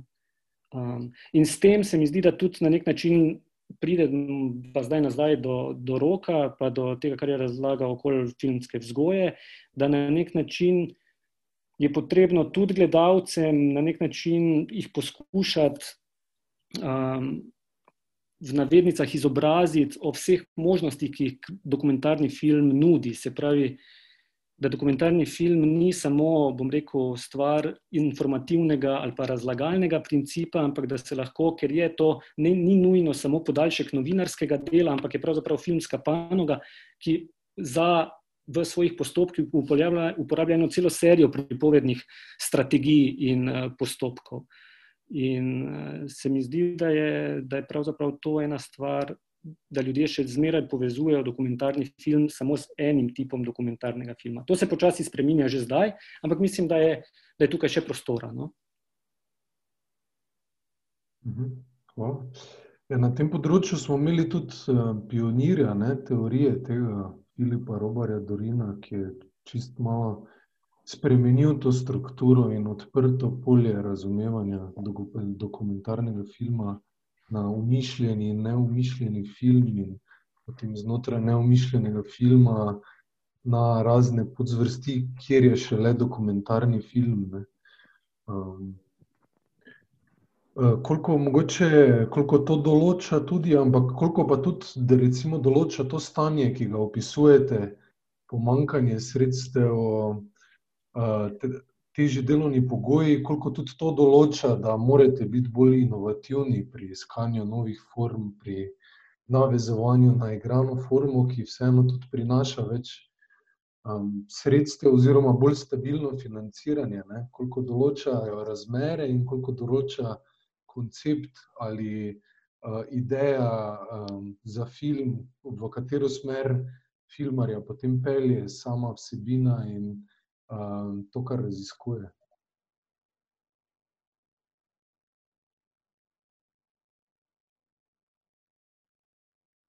Boš kar ti nadaljeval, Matjaš, mogoče ne vem. Lahko, mogoče samo še zadnji del, še enkrat, ko nisem čist pripričan, če sem čisto razumel vprašanje. Hm. Ja, koliko zdaj določa uh, recimo to, da ste inovativni v formi, da se dokumentarec tudi v različnih fazah lahko spremenja, uh, da ga težko uh, prikažeš, tako statičnega, določenega kot igrani film, koliko to določa, mogoče tudi delovne razmere, pomankanje sredstev, koliko pa sam razvoj koncepta, uh, tema, liki, ki jih predstavljaš. Um, ne, koliko, ali se je to en sklop celi, ker punk, vemo, ne, prej ste omenjali punk, punk poezija, to je uh, delovska glasba, ne, ki se je uprla nekemu belemu roku, ki je začel delati veliki, veliki cash in polniti stadione v 80-ih, uh, punk pa je šel iz nekih razbitih beznic in v bistvu začel um, spivovske flaše okrog metati. Zdaj, koliko lahko na to navežemo, na punk in dokumentarni film, na samo, same razmere in samo formo, ki, ki jo uporablja in koncepte. Mislim, to, o čemer smo mi zdaj govorili, pa razmere, ne, še vedno dokumentarni film, seveda, lahko zelo neposredni in takošnji. Zdaj, če imaš ti občutek žiga, da se ta trenutek nekaj tam pred tvojim oknom dogaja, kar je važno zabeležiti, ali pa celo ne, začeti film s tem, moraš reagirati takoj. Ne? Pač ni zdaj, ne boš ti pisal, pa prijavljal eno leto, zato da boš to lahko zabeležil. Ene stvari je pač treba reagirati takoj. In ta, to vrstna, um, to vrstna panoga bo zmeraj obstajala. Ta, ta drugi del, ki ste ga mi, kak pa na nek način zagotoviti neke pogoje, da se lahko. V bistvu dokumentarni film kot panoga razvija, razvija naprej. Ne? Se pravi, še vedno bodo, bodo ti um, bi rekel, direktni. To je, bi rekel, ena zelo, zelo, zelo važna faza tudi dokumentarnega filma. Ne? Še vedno lahko reagiraš takoj, ne rabiš dosti uh, nujno. Ne? In greš uh, in snemaš. To še vedno naj obstaja. Ampak pravzaprav naj se pa tudi ne, poskušamo optimizirati pogoje, da ne bi bili pogoji za dokumentarni film pravzaprav nujno enaki pogojem za igrani film, ampak da je pravzaprav dokumentarna panoga ena panoga, ki ima neke svoje določene specifike v nastanku, v pripravah, v, v, v, v, v nekem um, razvoju dogodkov. In ki jih pa, se pa da upoštevati in se da pogoje prilagoditi na to panogo. No. To je pa tisto, ko sem prej govoril o neki meri zaupanja no, v, v specifičnost panoge. To, kar si pa na začetku vprašal o, o, o samih, kam, kam te pelje, kje se lomijo, to je pa stvar, po mojem, vsakega posameznika. To je pa stvar, stvar pogleda. Stvar, mislim, da je to, pač, če isto temo vzamemo vsi mi, pa je vsak po svoje beleži skozi formo dokumentarnega filma, bomo najbrž dobili zelo različne dokumentarne filme. Ne? In to se mi zdi m, mm, sjajno. M, mm, vsak, vsak po svoje se prebija skozi, um, skozi to, kako bi rekel, temu um, bitko. Avtorski dokumentarni film. Uh, avtorski, misliš, avtorski dokumentarni film v smislu? Ne, to, kar si zdaj omenil, v bistvu, da, da lahko kdorkoli od nas z pač, uporabo dokumentarne zvrsti pride do različnega rezultata. Verjetno zato, ker smo mi vsi pač drugačni in bomo povedali isto zgodbo skozi na drugačen način. Se pravi, naš avtorski. Absolutno, ampak v bistvu gre še vedno za dokumentarni film. Jaz ne bi tu nujno, mislim, da toliko poudarjal avtorski. Se vsak, vsakdo, ki dela dokumentarni film, je avtor tega filma. Um, mislim, to, ko rečemo, je spet, mi zdi, da je ta potreba po, avtor, po izrazu avtorski dokumentarni film izvira iz nekega. Uh, strahu pred tem, da bi to enačili samo z enim tipom dokumentarnega filma. Če mi dokumentarni film razumemo široko kot filmsko panogo, potem nimam jaz težav s tem. Če pa se dokumentarni film zoža samo na en tip dokumentarnega filma, potem pa je ta izraz najbolj dobrodošel, o katerem ti govoriš. Ja. Ne, pač išče se, eh, da bi v bistvu širši, širši krok ljudi razumel, kaj je sploh to kreativni dokumentarni film. Ja, mislim, neka realnost, ki nas obkroža, je prekompleksna, da bi jo lahko beležil kot tako, v vsej svoji kompleksnosti, kot je. In važno je, kaj je moj interes, kaj je moj pogled na to, ne? na kak način jaz te drobce, ki jih zabeležim, spajam v to zgodbo. In to je, to je najbrž nekaj, kar, kar, je, kar je zelo subjektivnega. Ena cela serija subjektivnih odločitev stoji za tem. In interesa pogleda, seveda. Ne? In to je, če vse nas vzamemo kot skupino, je pri vsakemu najbrž malce različno. Ne? Mhm. Pa beležimo isti dogodek. Recimo. Se strinjam. Eh, Mene zanima tudi to, v bistvu, kaj je slovenski dokumentarni film. Eh, Mi po desetih letih in po tristotih eh, dokumentarnih filmih še vedno zdaj pač nekako gledamo na prihodnost in na razvoj dokumentarnega filma in vse bolj se mi zdi, da je pot v koprodukcijah Tako da me zelo veseli tudi ta odprtost RTV Slovenije, da v bistvu pač eh, omogoča slovenskim producentom ta vložek. Da se pač, če sem prav razumela, Andraž, da se to dogaja, sem prav razumela. Si, si prav razumela. Vsako leto Ja. za koprodukcije dokumentarnih filmov. No, pač, ja, no super, super. No, s- ja. Uh, hotela sem reči to, da se mi zdi zelo pomembno, da ste vi, ki ste tle pač avtorji, uh, neki predstavniki tega, da se v bistvu slovenski film lahko prelevi, v bistvu prelije skozi meje. In da v bistvu ta neka slovenskost, ki se mi zdi, da se nas včasih nas omejuje, da v bistvu je to tudi nek način, da s takimi mednarodnimi koprodukcijami dokumentarnega filma slovenskega eh, tudi v bistvu prestopimo marsikero mejo. Jaz bi eno mislim, vprašanje ali pa odprla bi to temo, se mi zdi relevantna, sploh danes, ko se v bistvu, kot sem razumela, zdaj spreminja oziroma pripravlja nov zakon o audiovizualni in je jezik postal vprašanje. Za nas, dokumentariste, je ključna, mislim, je ključna možnost, da lahko naši protagonisti govorijo v katerem koli jeziku tega sveta.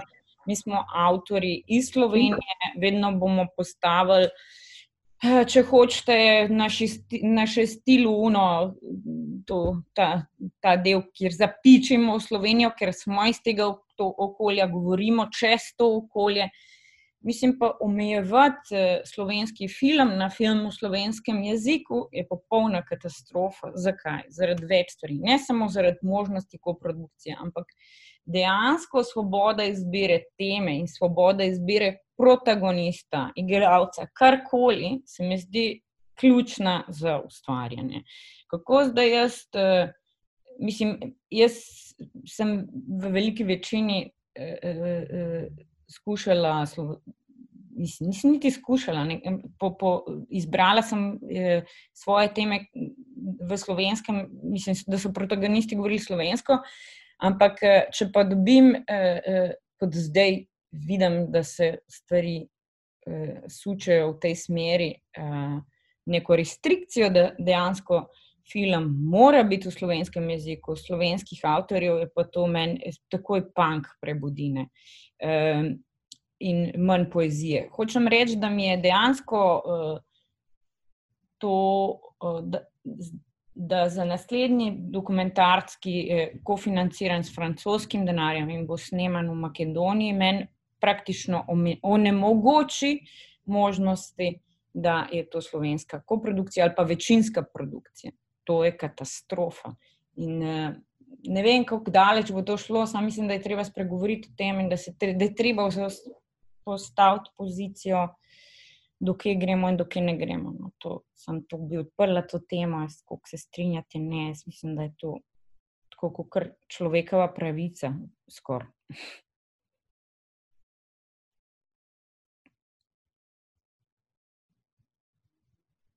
Jaz ne vem sicer, kakšen je bil, um, če, če je bilo to tudi uh, majno vprašanje, ko sprašuje po slovenskem dokumentarnem filmu, ampak recimo moja lastna izkušnja je ta, da nekdo, ki je živel uh, v Sloveniji, uh, pardon, ki, je živel v tujini nekaj časa in ki je vse uh, v tujini tudi ustvaril, um,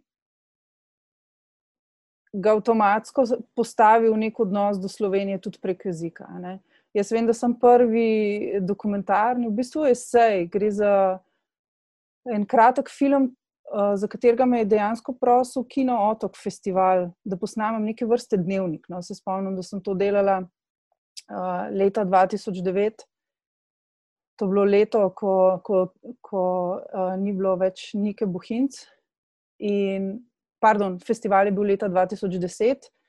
Uh, In jaz sem bila takrat še v tujini, ko sem prišla na festival, se, val, se je za me, seveda, še vse dogajalo v španščini. Ne? In jaz se spomnim takrat, ko sem snemala ta, ta dnevnik in ga pol tudi zmontirala, v bistvu avtomatsko ni mogel biti drugače kot v španščini. In je tudi v bistvu nastal, uh, se pravi, nek slovenski kratki esej um, v tujem jeziku, ampak v bistvu moj. Ne?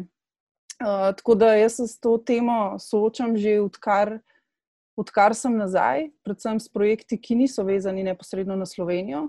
In, um, in, in me v podobnih um, izjavah v medijih, predvsem v zadnjem tednu, uh, da je slovenski jezik, film posnet v slovenščini, seveda zbega, zaradi tega, ker uh, zdaj kaj pomeni, mislim, na čem se točno bazira identiteta, je, se mi zdi zelo širok pojem in kle so stvari, se, vse, se mi zdi nujno, jih je potrebno definirati. Ne. Definicija SFC-ja, jaz sicer ne vem, kako je to na uh, televiziji Slovenije, ampak definicija SFC-ja je slovenski film, je film slovenskega producenta z večinskim deležem ali film v slovenščini, oziroma film v jeziku manjšin, ko gre za teme, ki se vežejo na manjšine. Um, tako da zdaj, kako pa te stvari uh, dojema širša javnost, ali pa kakšen je nacionalni program za kulturo v tem kontekstu, je pa vse, se mi zdi, stvar razprave. Tako da me zanima še, kaj ostali mislite o tem. Dokumentarne filme. Eh, prikazujemo na festivalu Dokudok, in da pač je nek tak trend, da uh, so te filme, ki so nekako nastali uh, z večjimi finančnimi vložki in v koprodukciji, seveda posledično uspešnejši, tako v Sloveniji, kot v tujini. In to, kar si Petra rekla, da v bistvu se zdaj odpira vprašanje, kaj je sploh slovensko in vredno podpore. In če je to povezljivo z jezikom, meni se to zdi katastrofa, tako da na to je treba tudi upozoriti.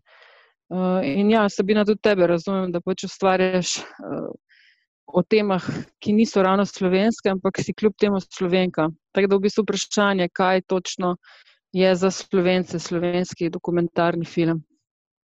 Ja, mislim, mogoče jaz imam še eno vprašanje za tebe, tudi, eh, ker če gremo iz globalnega na lokalno. Uh, neka ideja je krožila, da bi tudi se Maribor um, kot dokumentarno središče, kot nek regionalni filmski center oblikoval, kar mi je tudi omenjala direktorica filmskega centra Nataša Bučar.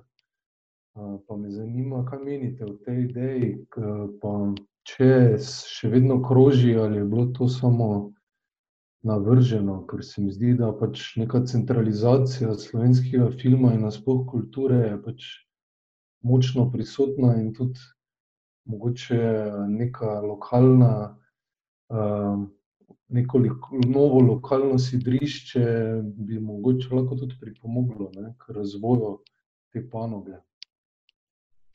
Mogoče lahko jaz prva, potem pač vabim še ostale. Uh, Um, ja, ideja je v bistvu iz leta 2012, ko smo imeli dokumentarno ime gospoda Jož, Jožeta Pogačnika, ki je žal že preminil. In on je takrat v, bistvu v svojem zahvalnem uh, pismu predlagal, da bi Maribor lahko postal uh, center dokumentarizma Slovenije. In v bistvu festival, ki traja pač od leta 2012, se pravi naslednjo leto, že deseto leto, ima neko tako skrito željo pomagati slovenskemu dokumentarnemu filmu in v bistvu v boju za decentralizacijo filmske krajine, se mi zdi, da je ta festival, uh, kljub vsemu, pač ima neko težo na tem področju razvoja filmske z, z, dokumentarne zvrsti. Uh, želimo si pa to seveda um, še bolj prodorno in aktivno.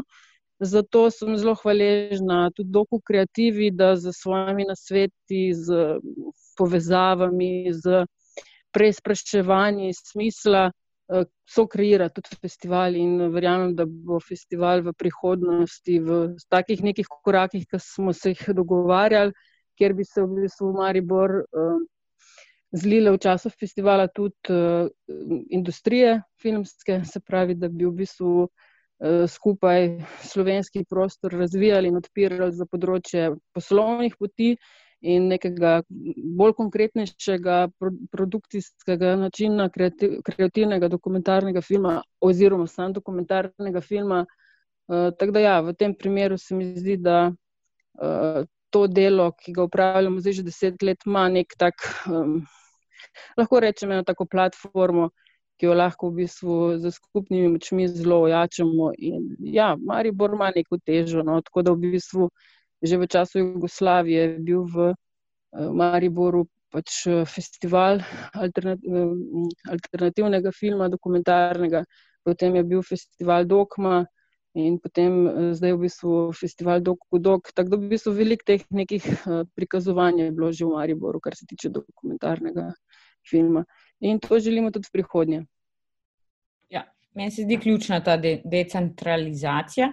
V Ljubljani nimamo dokumentarne strehe, za res centra, tako da smo se, eh, mislim, da smo se vsi nekako strinjali, da, da je pa to definitivno Maribor. Uh, ki ima prav zaradi te tradicije, no, ki, ki, jo, ki jo ima. Ja. Mogoče še Andraš, koliko bi tu potencial za Maribor prek regionalnega RTV centra, eh, da mogoče se tudi preko tega eh, poveže z dokumentarnimi ustvarjalci in festivalom. To je zagotovo ena od opcij. Um, jaz mislim, da je Maribor krasno mesto za pozicioniranje enega takšnega festivala. Ne na zadnje, tudi Sheffield je bolj na severu, pa je glavni dokumentarni festival v Angliji in to ni London. Ni pa tudi Manchester, kot kar rečemo, našemu Mariboru. Uh, v glavnem, jaz bi jaz bi to osebno zagotovo pozdravil. Način, na kakršen bi potem RTV Slovenija kot javni zavod sodeloval tukaj tem, na tem festivalu, je pa seveda teh načinov je pa več. Ena od opcij je jasno, vloga regionalnega centra Maribor. Treba je najprej definirati samo osebino in podobo festivala in kako ne rečem širšo upetost v lokalni in pa nacionalni prostor in od tam naprej preko možnih dogovorov, pisnih ali ustnih ali kakorkoli, tudi definirati vlogo RTV Slovenija. Um, načinov je več, neki so vsebinski, neki so projektni, neki je pa jasno samo beleženje festivala in podobno. Vse na ta način delamo tako s festivalom slovenskega filma tukaj ni nobenih ovir, sploh če bo v nacionalni formi, tukaj jaz mislim, da um, bo to šlo naprej, kar se tiče televizije Slovenija oziroma RTV. -ja. V vsakem primeru pa jaz, dokler sem tukaj na tem mestu, jaz bom še naprej uh, insistiral, da je kreativni oziroma celovečerni dokumentarni film del vsakoletnega razpisa, ki ga realiziramo preko 17. člena zakona o Slovenskem filmskem centru in hkrati, da je jasno tudi, no, to imamo pa tako, tako po zakonu o RTV-ju, moramo pa določen odstotek programa dajati v produkcijo neodvisnim producentom in tukaj bo tudi dokumentarni film vse le zraven. Hmm. Ja, Petra. Jaz kar predlagam nekaj, da mogoče tako po, po vzorcu ITVE pa VPRO-ja, da je RTV da nagrade dokumentarnemu filmu. Takoj, da naredim eh, že uh, biznis tlele. V bistvu si mi idejo ukradla, ne? to sem hotla, sem hotla vprašati. Um, ne, ne, ne samo v povezavi z doku dok, ampak uh, Klej, sigurno uh, se mi zdi, da je eno veliko pomankanje tudi uh, teh uh, prepo, prepoznavanj dokumentarnega filma znotraj naše lastne produkcije, ne, ki mogoče včasih s temi nagradami ali pa spodbudami ne, um, uh, omogoči mogoče še nadaljni razvoj. Uh, ni tako izolirano tole. V tem mi smo že leta in leta zapored sodelovali pri festivalu gorniškega filma, ki ga lahko mirno tudi razumemo kot dokumentarnega, veliko bolj kot eh, igranega, v vsakem primeru, mislim, popolnoma dokumentarnega. In tam je posebna komisija RTV-ja vsako leto zbrala uh, film, ki smo ga odkupili in potem tudi predvajali. Tako da na ta, teh načinov je več, tudi na ta način bi lahko sodelovali z Mariborom. Se pravi, najprej treba definirati, mogoče enemu širšem konziliju, kako naj bi ta festival deloval oziroma zgledal, in potem se znotraj tega določi potitologa RTV. Mislim, jaz zdaj to osebno govorim iz svojega stališča kot uh, poznavalca produkcije in pa uh, festivalov dokumentarnih, kakšno bo pa uradni status potem v smislu RTV-ja in sodelovanja, in to bo potem še vedno stvar odločitve direktorja oziroma generalnega direktorja. Potem, ko sem še eno zadevo hotel povedati, uh, jaz zelo pozdravljam to vašo ambicijo in uh, novo inicijativo in nas upam, želim vam veliko sreče v naslednjih korakih. Predlagam, mogoče, da na začetku se tako osredotočite na določena vprašanja, na katera morda tudi niste dobili odgovorov danes, um, in jih definirate po alinejah oziroma točkah, in pošljete uh, ta vprašanja na našo AVE pisarno. Lahko tako na AVE pisarno, kot meni, kot Natali Gorčak, recimo, ampak v vsakem primeru vprašanje, kot naprimer. Uh, bolj, bolj sistemsko podpiranje dokumentarnih projektov v fazi razvoja, to je recimo že eno tako vprašanje, ki bi ga mogli bolj konceptualno razčistiti. Um, kako kako pa? Uh, super, tam to pač, uh, Andraš pa pa super, pa pa se v bistvu uh, bomo podali na dogovarjanje za možnosti uh, 21 za dolgo dog, za deseto obletnico če pridemo uh, na kak tak dogovor za odkup pač tega nagrajenega filma, je to že tudi ena vrsta finančna nagrada in tudi v bistvu medijski prostor. To smo počeli, se pravi, z Gorniškim festivalom to počnemo, to smo počeli celo z animateko in se potem malo ukvarjali s tem, kam bomo tisti film dal, ker je bil malo bolj eksplicitno zasnovan. Um, ne vidimo vire, da ne bi to naredili pri dokumentarnem filmu tako ali tako kupujemo licence letno, tako ali tako te zadeve počnemo. In če to pač samo iz drugega, iz drugega, iz drugega vira pride, da tako rečem, zdela komisije, s tem nič narobe. Sabina, kaj si mislila? Jaz sem se, jaz sem se prihotla navezati na to, kar je Andraš prej govoril. Uh, mene čist formalno zanima, mogoče čist na kratko, no, zdaj smo proti koncu. Uh, recimo predlogi uh, predlogi, recimo, temu širše strokovne javnosti za področje dokumentarnega filma. Um, je to nekaj, kar je vam dobrodošlo? Govorim o spremembah, govorim o dostopnosti, recimo, do arhivov, do materijalov, ki so v lasti RTV Slovenija in podobno. Um, stvari, ki um, nas včasih mogoče lahko ovirajo, ali pa stvari, ki nas omejujejo na tak ali drugačen način ali je to nekaj, kar si recimo RTV Slovenija želi dialog z nami, uh, kot ustvarjalci na tem področju, se da, obstajajo možnosti za spremembe, uh, ali je kle v bistvu bolj neka želja po svetovanju uh, z vaše strani. Recimo, ko se znajdemo v nekem problemu, nam vi svetujete, kako se mi tega lahko lotimo, da sploh pridemo do realizacije, ali obstaja nek. Um, dialog z obeh strani, ki uh, bi lahko peljal na spremembe, do sprememb. Ja, ja. Zdaj, klele, bi bilo treba najprej, najprej malo bolj podrobno definirati vprašanje. Nekaj si naslovila na RTV, to, je, to, je pa, to so pač vprašanja, ki naslavljajo generalnega direktorja. Mhm. Kar zadeva arhiv, izdajanje arhiva in podobne zadeve, je tukaj uradni zastopnik javnega zavoda RTV kot producent, seveda generalni direktor. In to je določeno vprašanje, na določeno vprašanje lahko odgovarja on. Na določeno vprašanje, ki si jih tudi omenila, se pravi te težave, na katere naletite potem med samo produkcijo oziroma pred produkcijo, lahko odgovarja tudi AVE pisarna. Na določeno vprašanje pa jasno uredniki in pa direktorca televizije, tudi nam še prej v, v, v drugi vrsti. Ne za generalom. Tako da zelo je odvisno od tega, kakšno vprašanje imaš v mislih. Mhm. Zdaj, le, uh, sprašujem tako bolj, uh, ko si rekel, da se z določenimi vprašanji, ki niso bila odgovorjena, lahko obrnemo tudi na pisarno. Uh, gre samo za vprašanje, ali gre tudi za predloge, uh, kako bi bilo v bistvu smiselno ene stvari prilagoditi, recimo tudi času ali pa novim načinom dela ali pa recimo sredstva. Eh, recimo, gre za omejene sredstva, ki te prisilijo mogoče v določen način dela, pa se mogoče tudi te stvari dajo spremenjati ali se ne dajo, kako, uh, tako kako vidiš. Še enkrat, Jaz mislim, da je ta vaša inicijativa, če bo nastopala v imenu najširšega kroga slovenskih producentov in avtorjev dokumentarnih filmov, zelo primeren sogovornik, uh, mi pa, jaz osebno, kot odgovorni urednik, nimam prav nobenega problema, da se z izpostavljenimi deležniki na posameznih pravi področjih pogovarjamo. To je naša funkcija, to je naša naloga. Uh, jaz sem osebno prepričan, da mi lahko naše zgodbe govorimo samo na ta način, da se še bolj tvorno povežemo s sorodnimi inštitucijami. No? In v tem primeru bi tudi vas to lahko imeli.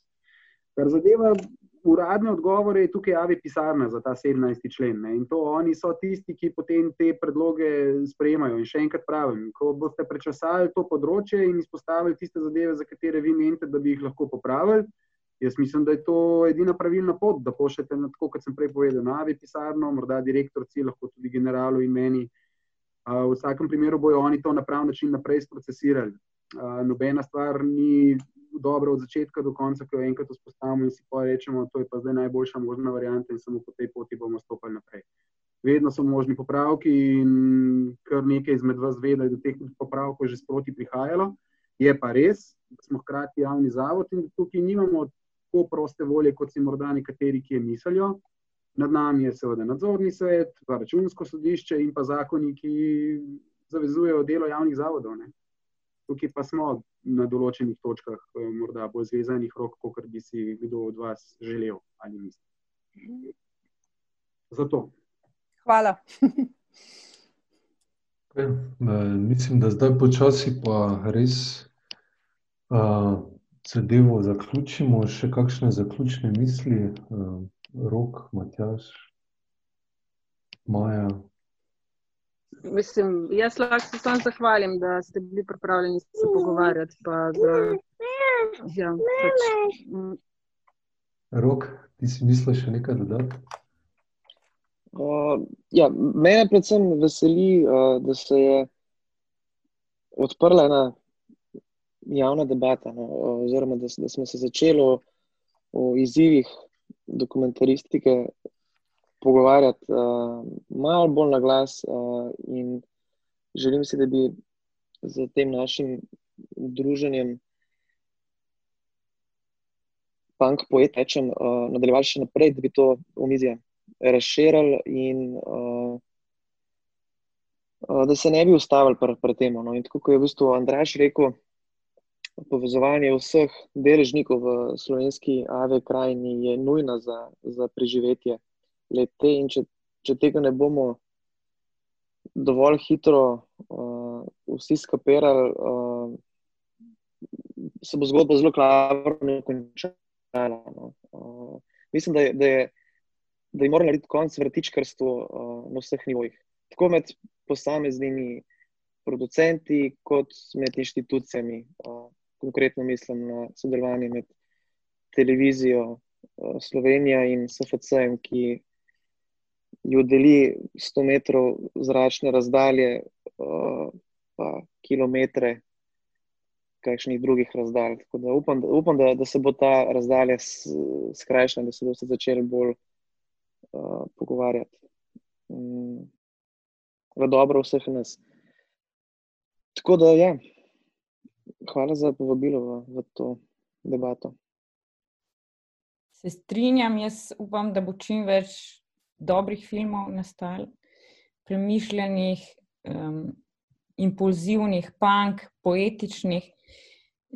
Da dejansko uh, naredimo neko, neko podlago za nove avtorje, ne za mlade, samo za tiste, ki si niso na ta način upali. Uh, za vseeno, ker mislim, da, da nas je kar velik, samo da pač ni, uh, nismo povezani. No? In da da bomo od zdaj naprej, da se to ne bo ostalo. Super, mislim, da je to dober eh, zaključek te zelo zanimive eh, debate. Hvala vsem, da ste si vzeli čas, da ste nam tudi približali dokumentarno produkcijo. In upamo, da res najlepše čase in pač Maribor is the future, Doku is the future.